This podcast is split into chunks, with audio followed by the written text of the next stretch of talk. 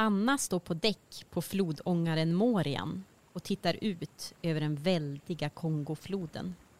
Det bruna vattnet virvlar sig runt båten och regnskogen ligger tät utmed flodstranden. Det är den 16 maj 1888. Resan har varit lång och stundtals krävande. Men just nu, i denna stund, känner hon sig både lugn och upprymd på samma gång. Det är så vackert och överträffar allt hon har kunnat föreställa sig. Det är som att Kongo välkomnar henne med all sin kraft. Hon längtar tills de är framme på missionsstationen i Mukumbungu, målet för deras resa. Här ska kallelsen förverkligas. Den som är så stark att hon trotsar rädslor, faror och till och med döden. Hon vet att det är just här hon ska vara. Trots alla historier om klimatfebern som härjar och som när som helst kan göra att till och med en stark ung människa måste lämna jordelivet. Som hennes älskade Lars. Hennes trolovade som åkte i förväg till Kongo. Det hugger till i bröstet när hon tänker på honom. Medan Anna fortfarande var i Sverige nåddes hon av beskedet att klimatfebern hade tagit Lars liv. Men istället för att förlamas av sorg har hon låtit kallelsen mogna och växa i styrka. Nu vet hon med säkerhet att det inte är för hans skull som hon har åkt hit utan för att sprida ljuset och löftet om Guds frälsning till människorna i Kongo. Plötsligt ropar hennes medpassagerare och vänner Elisabeth och Mina på henne. Det är dags att kliva i land. De är precis som hon utsända av Svenska Missionsförbundet som de första kvinnliga missionärerna. Än så länge vet hon inte vad som väntar dem i landet de nu har kommit till. Anna vet inte att de, i likhet med många andra missionärer, inom loppet av några år kommer att ha dukat under i klimatfebern. Hon vet inte heller något om de fasor och grymheter som pågår under den belgiska kungen Leopolds styre av Kongo. Vare sig vi lever eller dör så tillhör vi Herren, tänker Anna när hon kastar en sista blick på flodångaren innan hon kliver av och tar sina första steg på kongolesisk mark.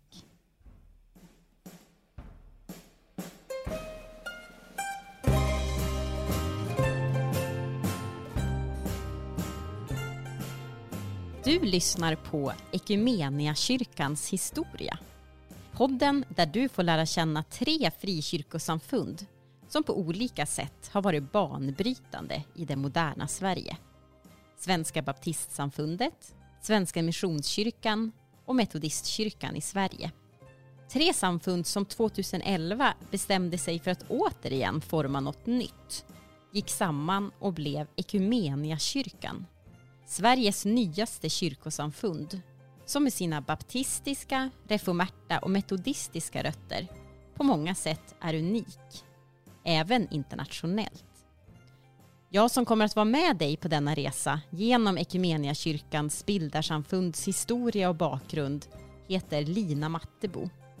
Jag är journalist och redaktör och medlem i en församling inom Ekumeniakyrkan. Denna podd är en del av ett studiematerial från studieförbundet Bilda.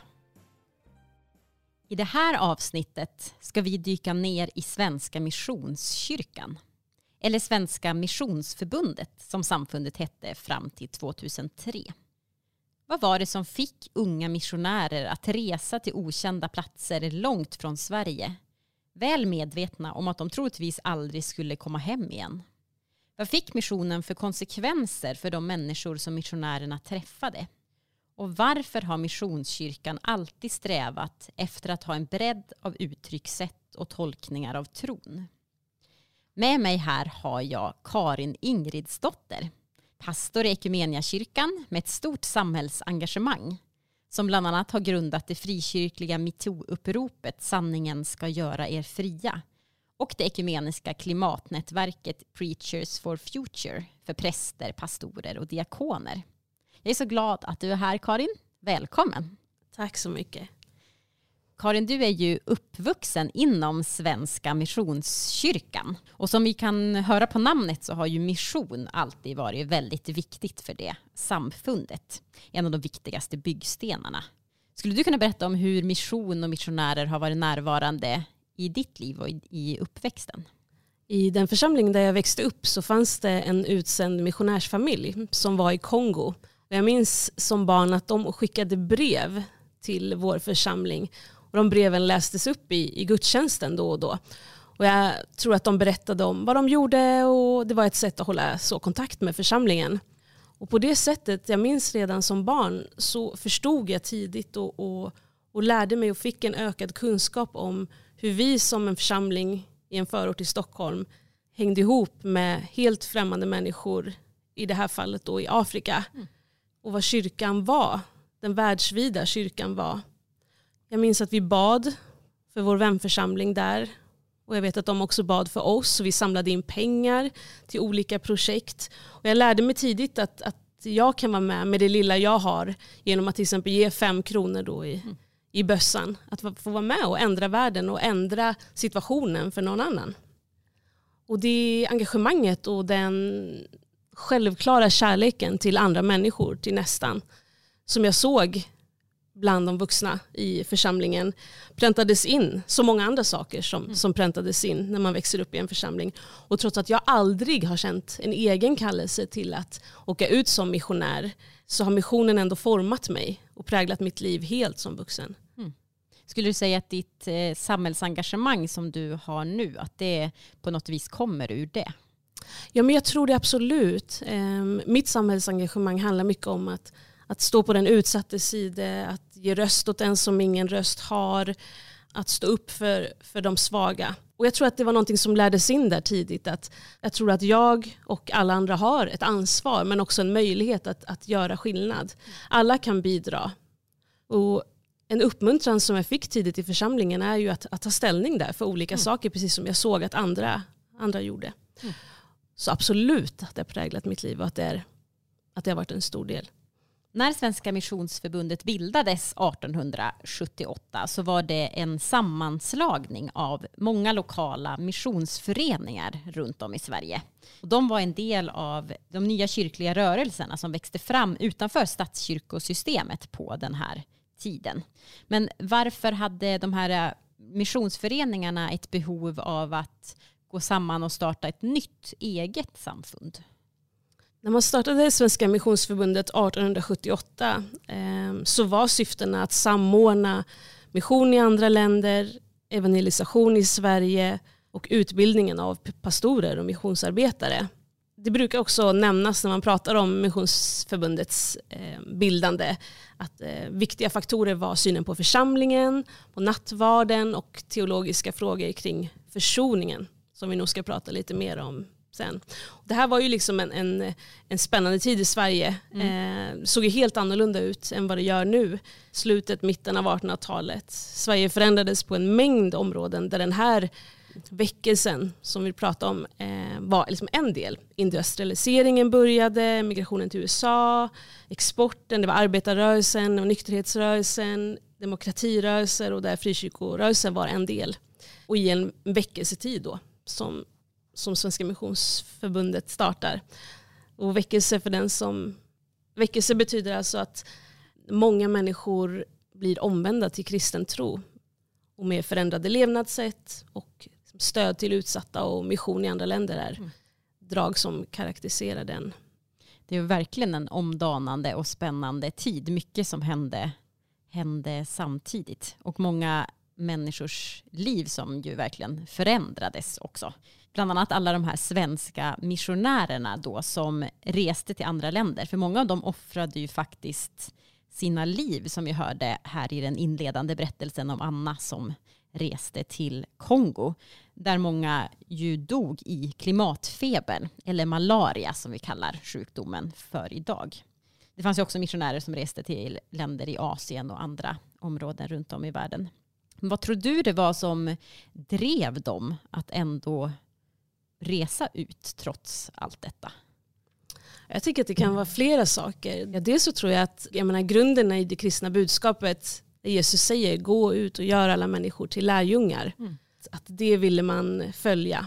Och den här liksom världsvida missionstanken var invävd i samfundet redan från början, en rörelse utåt. Mm världen. Varför det blev just Kongo eller länder långt bort det var kanske också av den enkla anledningen att eh, det fanns redan mission på närmare håll. Det fanns andra samfund som man började i Sverige mm. och så i olika lager så åkte man längre och längre bort. Först till grannarna, liksom, sen till grannländerna och så vidare. När du lyssnar på den här äh, inledningsberättelsen, vad, vad känner du då? Vad tänker du när du hör den? Att jag aldrig skulle vilja åka. Nej, men jag, jag, blir liksom imponerad. Det är svårt att, att föreställa sig de liksom strapatser som mm. världen såg helt annorlunda ut och, och, man reste ut, inte med flyg utan en Nej. resa tog, som tog väldigt, väldigt lång tid och, och knappt visste vad man skulle möta. Du sa ju tidigare att det fanns ända från början en rörelse utåt. Eh, att man ville dela med sig av sin tro eh, och, och förändra samhället. Och du sa ju att du själv har fått del av hela tiden också. Vart kom det här uh, tydliga samhällsengagemanget ifrån? I den här tiden, i samhället överlag, men också då inom kyrkan i väckelsetid, så betonades det egna ställningstagandet mycket. Människor som tidigare varit hukade under överheten fick plötsligt liksom lite, kunde räta på ryggarna och räta på axlarna och, och se att jag kan, kan också bidra. Alla har någonting att bidra med. Mm. Och i den här tiden då inom, i väckelse så kom det liksom en ny teologi också om att Gud är en kärleksfull Gud. Det hade varit samma sak där, att Gud är den här, liksom nästan man slår Bibeln i mm. huvudet mm. på folk. Liksom, mm. Att Gud är arg, Gud är vred, eh, vi ska huka oss, mm. vi ska liksom, Gud som överhet också. Och nu kom någonting helt nytt, att, att Gud är kärleksfull, att komma till Gud är som att komma hem. Mm. Och där fanns det också liksom ett, ett driv och någonting som man ville dela med sig av till andra. Det var ju som du sa inte bara missionen som gjorde att det nya samfundet bildades utan även möjlighet till utbildning och kanske specifikt driften av två missionsskolor. Kan du mm. berätta lite mer om de här skolorna? Varför, varför var de så viktiga? Ja, men precis. Det är två missionsskolor som man brukar prata om. En som ligger i Vinslöv i Skåne och en i Kristinehamn i Värmland. Som sedan blev Missionsskolan på Lidingö. Eh, på de här skolorna så vill man utbilda missionärer och predikanter. Och jag tänker dels att det har att göra med att eh, pastorerna och ledarna inom den frikyrkliga rörelsen inte fick gå prästutbildningen. Utan då ville man starta egna skolor för, att, för kvaliteten eller liksom sammanhållningen. Men utbildning och folkbildning har alltid varit viktigt inom eh, Missionskyrkan. Även nu så är eh, kyrkan då huvudmän eh, för, huvudman för ett flertal folkhögskolor runt om i Sverige. Och jag vet att tidigare man ville liksom främja utbildning på olika nivåer. För det var också i ett land som höll på att supa ihjäl sig mm. med många stora sociala problem så var liksom den viktigaste insatsen för att förbättra folks sociala förhållanden utbildning. Just det. Och där var ju också frikyrkan överlag en stor aktör och en viktig Verkligen. aktör i det.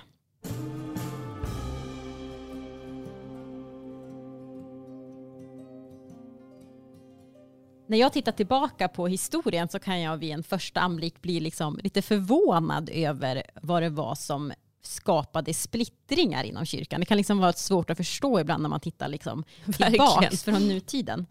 Prästen Paul Petter Waldenström, kanske mer känd som PP Waldenström, han skapade till exempel stor debatt 1872 genom att skriva en artikelserie om försoningen i tidningen Pietismen som han var redaktör för. Och den konflikten blev på ett sätt starten till att Svenska Missionsförbundet sedan bildades. Och försoning kanske inte låter liksom som ett så konfliktfyllt ämne, tänker jag. Men det blev ju verkligen ett hejdundrans liv. Kan du berätta vad det här egentligen handlade om, Karin, och vad det fick för konsekvenser? Ja, men precis som du säger, P.P. Waldenström var ju då präst i Svenska kyrkan och är en av de mest kända och tongivande personerna i liksom, den här tiden. Han var redaktör för tidningen Pietisten som var en svensk kristen månadsskrift mm. som delades ut eller som, som såldes. Eh, han var också lektor i teologi, hebreiska och grekiska. Och faktiskt har han en bestseller mm -hmm. från 1800-talet. Eh, Hans bok eh, Brukspatron Adamsson eller, eller Var bor du heter den. Mm. eh, blev en av de mest lästa böckerna i Sverige. Mm. Men försoning då, det är ju um, lite kyrkiska. Mm. Det. det. är inte så, man tänker man försonas när, när man har bråkat. Mm. Det är precis det det betyder att bli sams mm. egentligen. Och i kristen tro så, så är Jesus död på korset väldigt central. Och i kristen tro då så finns det olika tolkningar vad det betyder med Jesus död på korset. Och jag tänker att de olika tolkningarna är överens om att korset skapade förutsättningar för en försoning, alltså en återupprättad relation mellan Gud och människan efter att människan valt bort Gud. Mm. Och I den, den lutherska tolkningen, alltså den eh, teologi som Svenska kyrkan lärde ut, så ligger huvudfokus på att människan genom sina synder inte når upp till Guds standard och måste straffas.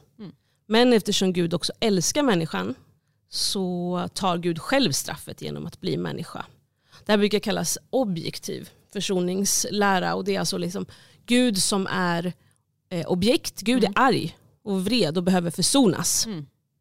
Och det här tolkningen hör ju ihop med, som vi pratade om lite innan då, eh, tanken på Gud som sträng, som arg, mm. som vred. Mm. Eh, en Gud som man skulle vara rädd för helt enkelt. Och då kommer Waldenström in här. Och det berättas då att han diskuterade det här med några av sina prästkollegor.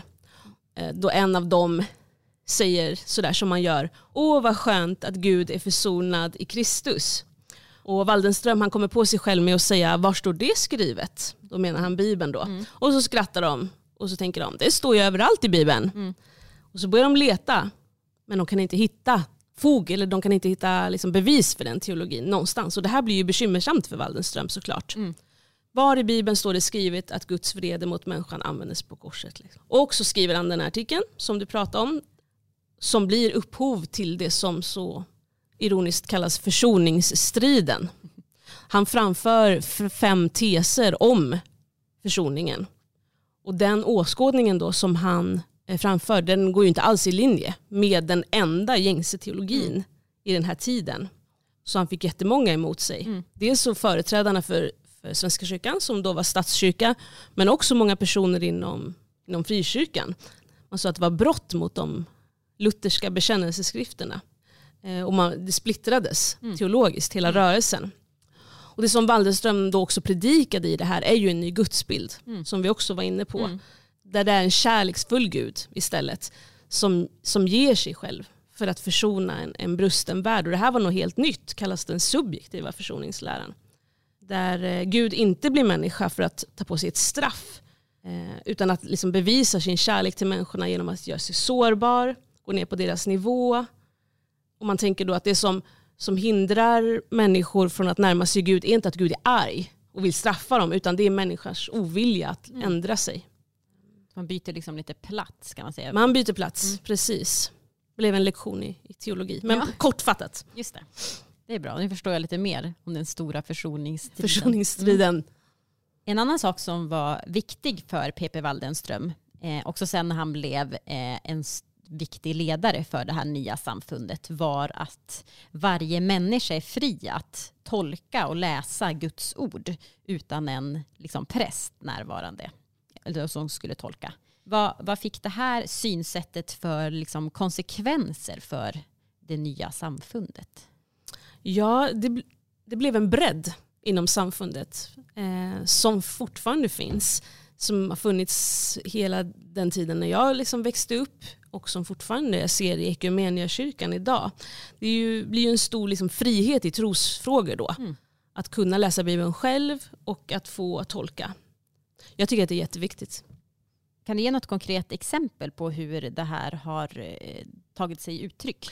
Ja, men till exempel så har ju eh, Missionskyrkan, eller hade Missionskyrkan en, det som kallas dubbel dopsyn. Vissa samfund annars döper barn mm. oftast. Och vissa andra, till exempel som baptisterna, är vuxendop eller pingstkyrkan. Och Missionskyrkan valde då en dubbel dopsyn, att man, man vill vara öppen för ekumenik, olika samfund men också olika eh, doptraditioner. Mm. Alltså att det finns den här bredden.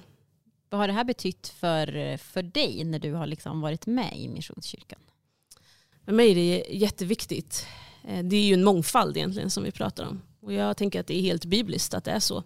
Dels känns det naturligt för mig och jag vill att en församling ska bestå av, av mångfald. Men också tänker jag att det är bibliskt om man går tillbaka till de, de första församlingarna. Mm. Det var väldigt många olika liksom, tankar och, eh, och så. Ibland kan det komma kritik mot Missionskyrkan men också mot Equmeniakyrkan. Vad tycker ni egentligen? Mm. Eh, för att det finns eh, en sån bredd. Och i andra, en del andra samfund kan det vara att det kanske inte finns eh, samma bredd utan att det är mer likriktat. Men, eh, men jag tycker att det är en styrka. Vi samlas ju kring Jesus Kristus som, som Guds son, som vår frälsare. Och det gör just till vår, en kyrka. Inte att vi tycker lika om allting, inte att vi har samma teologi i alla frågor. Att se bredden och mångfalden som en styrka och värna den, mm. verkligen. Mm. Och för min egen del så har det varit en, en förutsättning för att vilja vara kvar också. Det här är en, frikyrkosamfund där jag passar in. Där vissa andra sam sammanhang kan kännas snäva. Just det.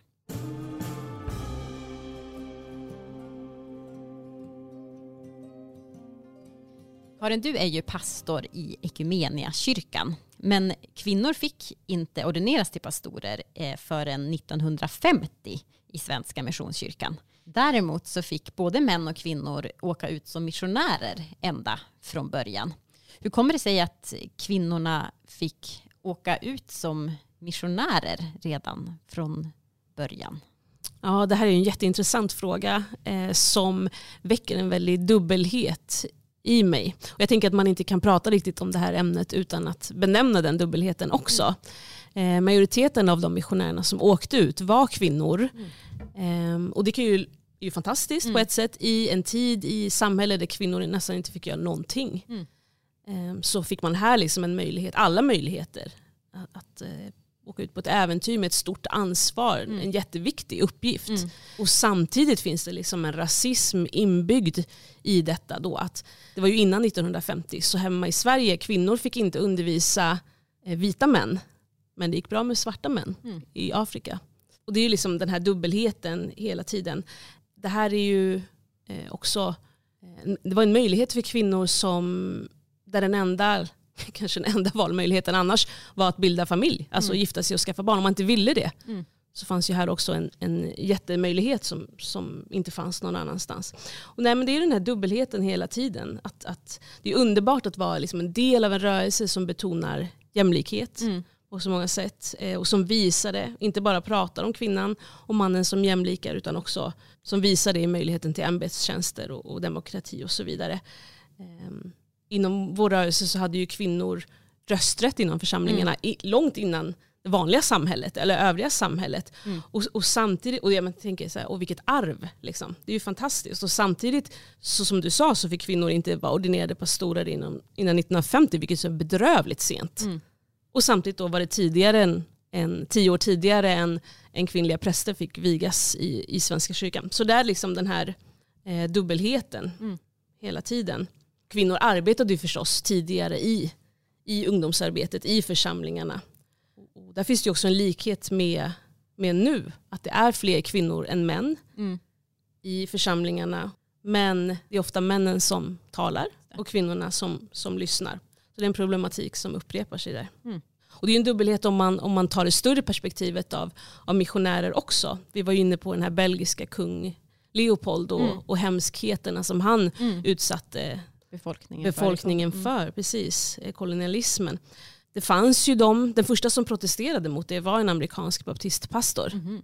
Samtidigt fanns det andra missionärer som, som såg vad som hände och inte gjorde någonting. Vita har ju alltid på missionsstationerna bott i finare, eller alltid, men har bott i finare byggnader mm. än de mm. svarta. Det finns ju liksom bilder på när man kommer som missionär och försöker att eh, implementera det västerländska sättet människor i Afrika ska ha västerländska kläder till exempel. Och mm. samtidigt vet jag andra missionärer som, som jag tror var i Kongo som aldrig hade något annat på sig än eh, traditionella kongolesiska dräkter. Det. För det är så här, vi kommer till er. Mm. Så det är ju hela tiden dubbelt. Verkligen hela tiden den dubbelheten. dubbelheten. För, för som du säger så har ju det västerländska missionsprojektet fått liksom mycket kritik, kanske speciellt på senare tid. För samtidigt som till exempel Svenska Missionsförbundet i slutet av 1800-talet skickade ut missionärer runt om i världen så skedde också eh, en massiv kolonialisering av, av Afrika. Skulle du, eh, skulle du säga att så här, gick missionen hand i hand med västerländsk kolonialism. Så det är ju svårt, ja men både och kanske. Mm. Visst, ja, alltså hos vissa gjorde det säkert det och det fanns ju, det är svårt att prata om för det är klart att jag, jag hoppas och jag tänker att, att de som åkte ut som missionärer eller när man sände ut missionärer var ju med en god tanke att vi har någonting som är jättebra, det vill vi dela med oss Mm, av. Men det kan ju också bli väldigt fel. Mm. Så, så både och skulle jag säga. Mm. Om du skulle säga vad, vad, du var lite inne på det, men vad är det liksom, om vi börjar i den, i den tråkiga ändan, vad skulle du säga är det, liksom det mest negativa som, som svenska missionärer har eh, bidragit med? Eller? Ja, alltså jag tror att det är just det. Det här när man har försökt pracka på andra en livsstil, ett livssätt, eh, eller klädval eller mm. matval, alltså vad som helst. Här får ni hela paketet. Eh, mm. När det inte handlat om att så här, vi vill berätta för er om Jesus Kristus som, mm. som frälsare. Utan när det också kom, fast ni måste också se ut som vi och göra som vi. Att man liksom inte har en lyhördhet för var man kommer någonstans. Mm. För i det så finns ju någon typ av rasism, att man tycker att man är bättre. Just det. Så. Och vad skulle du säga, vad är det liksom viktigaste och bästa som de svenska missionärerna har bidragit med? Här finns ju också jättemycket. Jag tänker på eh, alla skolor, sjukhus, barn som har fått möjlighet till skolgång som annars inte hade fått det. De här församlingarna finns ju fortfarande och jag vet ju att det finns en jättestor tacksamhet för vad missionärerna gjorde. Mm. Den kända doktorn som fick eh, Nobelpris, Dennis Mukwege, han mm. fick ju sin utbildning av missionärer mm. till exempel. Vilket är fantastiskt. Mm. Så det är båda sidorna. Precis. Du nämnde ju det här, för man, missionärerna predikade och döpte såklart, men man gjorde ju också som du nämnde nu, eh, byggde sjukhus och skolor och drev dem och så. Man skulle kunna tänka att det liksom inte är mission. Men eh, kan du, kan du berätta lite om det? Vad, vad har sjukhus och skolor med, med mission att göra? Hur hänger det ihop? Ja det är ju lite de här begreppen, vad är evangelisation, vad är mission? Mm. Evangelisation brukar man ju säga är att, att berätta då om vem Jesus är, eller mm. berätta om sin tro. Mm. Eh, och mission då eh, kan ju vara mer, det kan dels vara, eh, evangelisation finns i, i mission, mm. men också mer då konkreta gärningar, att se vad finns det för behov här och hur, hur kan jag eh, bidra? Just det. Och då så byggde man, ja, exempelvis då, eller med hjälp skolgång, mm eh, sjukvård, alltså de här basala mm. behoven. Det är också ett sätt att eh, sprida tro, tänker jag. Alltså tro blir gärningar mm. någonstans. Att det blir... Inte bara ord utan Nej, också precis. handling. Och som precis. du var inne på tidigare, det här samhällsengagemanget, att det fanns även där ju, antar jag. Precis. Under 1900-talet sen, eh, under vid olika år och tillfällen, så blev ju missionsländernas kyrkor självständiga.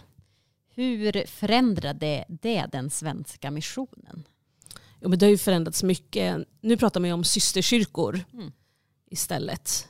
Och det har man nog gjort så länge jag minns. Och då handlar det ju om ett mer jämlikt utbyte. Mm. Vad gäller evangelisation så är det ju snarare de, om man får säga så, som nu kommer att evangelisera här. Just det. Eftersom Sverige har blivit ett, liksom, ett så sekulariserat samhälle. Att det blir eh, en, en mission i retur. Mm. Ehm, vi sänder fortfarande ut missionärer men det kommer också missionärer hit. Mm.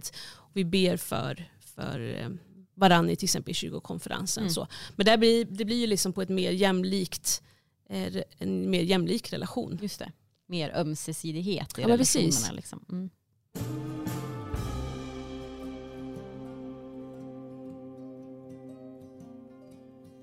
sedan snart tio år sedan så finns ju inte missions, Svenska Missionskyrkan längre, eh, utan är ju en del av Ekumeniakyrkan. Vilka frågor tror du har varit svårast för eh, missionare att hantera i det här samgåendet?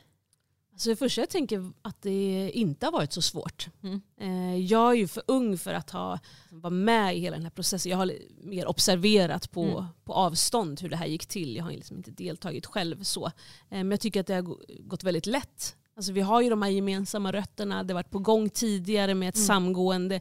Så jag tänker att det, att det har fallit sig naturligt. Sen är det såklart saker som behöver eh, diskuteras.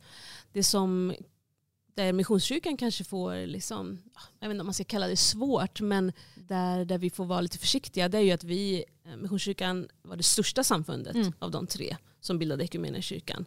Att man, att, eh, det, det, kan nog vara lätt att man, man kör över eller att, mm. eller att man, man, vi har en bra grej här. Mm. Och så får de andra två bara liksom hoppa in eller slukas upp i det. Att vara lite försiktig där, att det, att det inte blir så. Det kan ju vara en svårighet eh, när man är många. Att mm. man. Jag hoppas att det inte var så. Och eh, vilka tycker du då är Svenska Missionskyrkans stora styrkor som, som vi behöver hålla fast vid och liksom förvalta i den nya kyrkan? Ja, det finns ju såklart många saker som jag tycker om med mm. Missionskyrkan. Bland annat har vi pratat om den här bredden, mm. friheten, Eh, och så vidare. Men, men eh, jag tänker på blicken. Mm. Dels då blicken på Gud. Gud som en kärleksfull Gud som kom då nytt med Waldenström. Gud som alltid står med en öppen famn och, och, väntar på att var och en av oss ska komma. Blicken på den andre. Då tänker jag på missionen. Ibland pratar man om yttre och inre missionen. Mm. Där inre missionen var inom Sverige. Evangelisation och yttre missionen som vi har pratat mest om idag. Eh, utanför Sverige. Men det blicken på den andra, blicken på nästan, både de vi känner och inte känner, också blicken på skapelsen. Mm. Eh, och sen då tredje blicken på oss själva. Att varje människa har något att komma med och är fri att tolka eh, Guds ord. Mm. Så blicken svarar jag. Mm, vad fint. Vad har det här samgåendet gett dig personligen? Jag tycker det är jätteroligt och som jag sa helt på sin, helt på sin plats eh, med enhet istället för splittring. I Sverige finns det ju väldigt många olika samfund och det finns ju historiska förklaringar mm. till det. Men nu när kanske inte skillnaderna är så stora längre så tycker jag att det är helt på sin plats att eh, enas istället när man har så mycket gemensamt som, som vi har då bildarsamfunden inom Equmeniakyrkan. Jag tycker bara det är jätteroligt. Dels har jag fått många med fler kollegor. Mm det som, det som tar tid är ju att, att, att etablera ett nytt namn exempelvis. Det är ju mm. ingen av mina kompisar som vet vad Equmeniakyrkan är. Fast Just många det. vet baptist, många vet metodist, många vet vad missionskyrkan är. Mm. Men annars så är det ju det är bara, bara positivt. Mm. Jag är taggad på att se vad framtiden bringar för Equmeniakyrkan.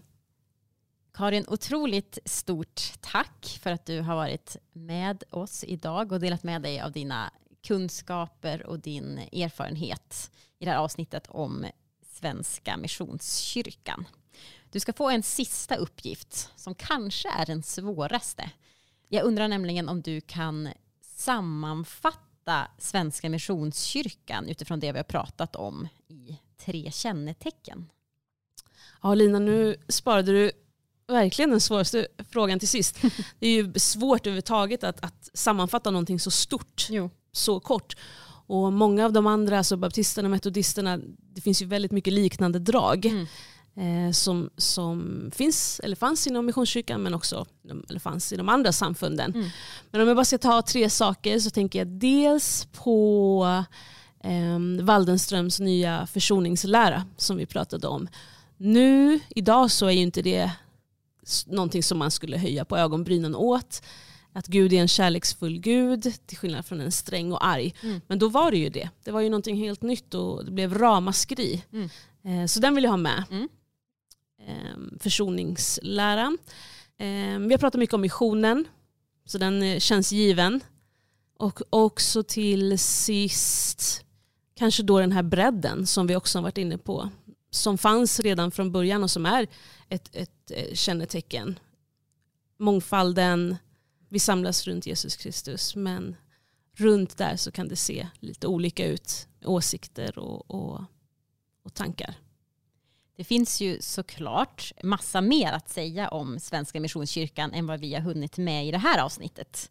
Men jag hoppas att det har väckt frågor och tankar och funderingar hos dig som har lyssnat och att du vill lära dig mer. För tanken med den här podden är att du nu ska fortsätta prata och diskutera vidare tillsammans med andra i en studiecirkel. Genom att lyssna, läsa och diskutera tillsammans så hoppas vi som har jobbat med det här studiematerialet att ni ska få en fördjupad förståelse för historien men genom det också kring vart ni är på väg. Så om du inte har bildat en studiecirkel än så kan du gå in på www.bilda.nu ekhistoria. Där finns det mer information. Ni kan få en samtalsguide som hjälper er vidare i samtalet. Där finns också tips på böcker, artiklar, webbsidor och annat fördjupningsmaterial för dig som vill lära dig mer. Jag som har lett samtalet heter Lina Mattebo. Ljudtekniker har varit Axel Rydén. Detta avsnitt är en del av studiematerialet Ekumeniakyrkans historia av studieförbundet Bilda i samverkan med Ekumeniakyrkan.